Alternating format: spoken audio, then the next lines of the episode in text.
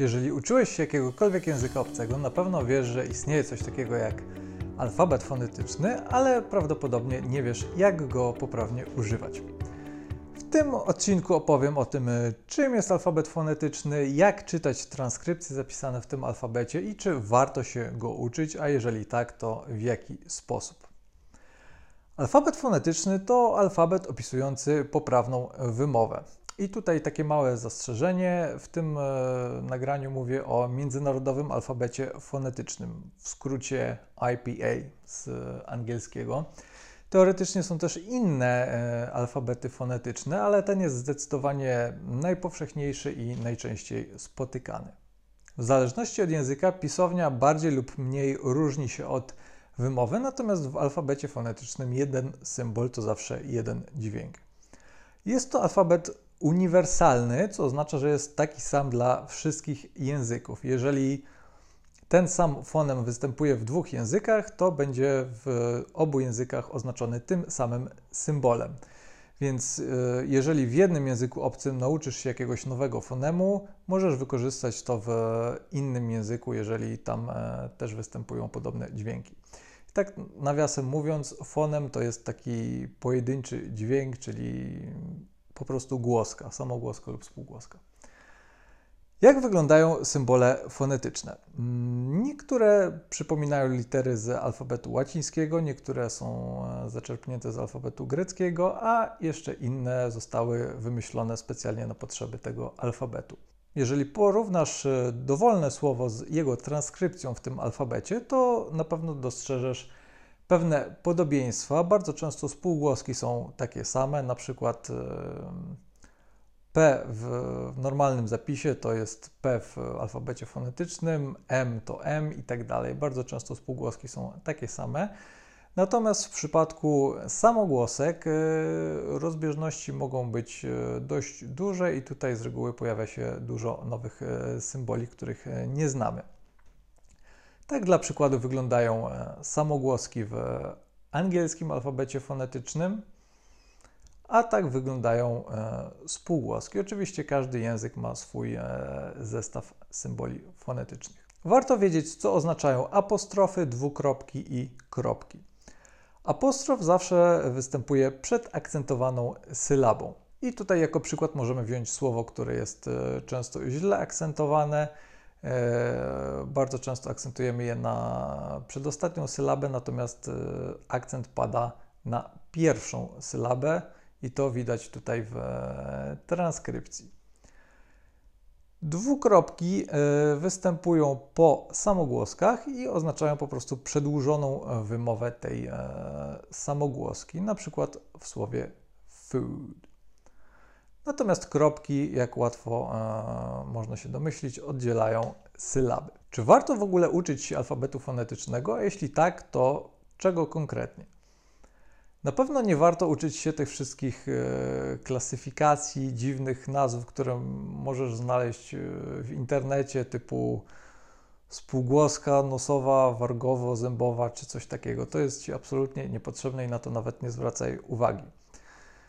Nie musisz umieć y, transkrybować każdego słowa, nie musisz znać wszystkich symboli. To nie o to tutaj chodzi.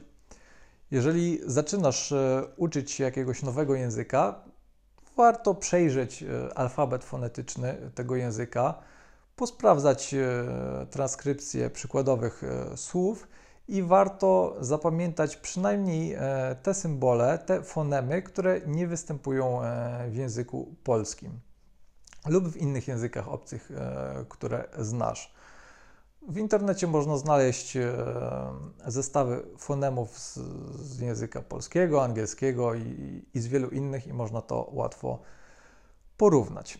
Jeżeli poznajesz jakieś e, nowe słowo, którego wymowa sprawia ci trudności, zawsze warto sprawdzić transkrypcję i jeżeli jest tam jakiś e, konkretny dźwięk, którego wymowa sprawia Ci problemy, warto e, poczytać na przykład instrukcje dotyczące wymowy tego fonemu, jak ułożyć e, usta, język itd. Tak Myślę, że warto korzystać z alfabetu fonetycznego, przynajmniej w jakimś niewielkim zakresie, bo jeżeli to robimy, mm, jesteśmy świadomi tego, że w innych językach istnieją inne dźwięki.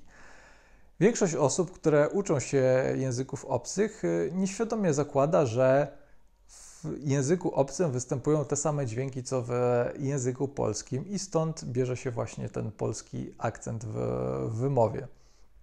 I takie osoby, na przykład, kiedy poznają słowo man w języku angielskim, załóżmy, będą pytać, czy to się czyta z A czy z E. No, ani to, ani to. Osoba, która e, zna przynajmniej trochę alfabet fonetyczny, będzie wiedziała, że to nie jest ani polskie A, ani polskie E, tylko właśnie taki dźwięk pomiędzy, którego w języku polskim e, nie ma. I ta świadomość e, jest bardzo ważna w nauce poprawnej e, wymowy.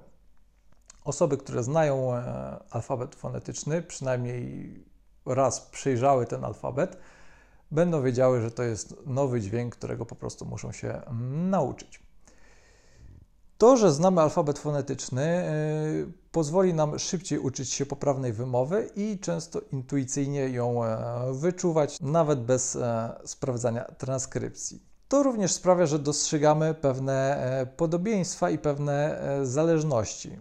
Załóżmy, że poznajesz angielskie słowo blood i nie wiesz, jak je wymówić, więc sprawdzasz transkrypcję i widzisz tam taki znaczek, który przypomina duże A bez tej poziomej kreseczki i przypominasz sobie, że w jakimś innym słowie już widziałeś ten dźwięk i wiesz, jak tam to słowo wymówić, więc tutaj e, będzie to ten sam dźwięk. Na przykład e, widziałeś ten fonem w słowie honey i wiesz już, jak e, wymówić to samo w słowie blood. I to, że znamy alfabet fonetyczny, sprawia, że nie robimy czegoś, co, czego ja bardzo nie lubię, czyli nie stosujemy transkrypcji po polsku. Nie zapisujemy przy użyciu polskiego alfabetu wymowy słów w obcym języku. Jest to coś, czego ja bardzo nie lubię, ale domyślam się, że niektóre osoby się ze mną mm, nie zgodzą.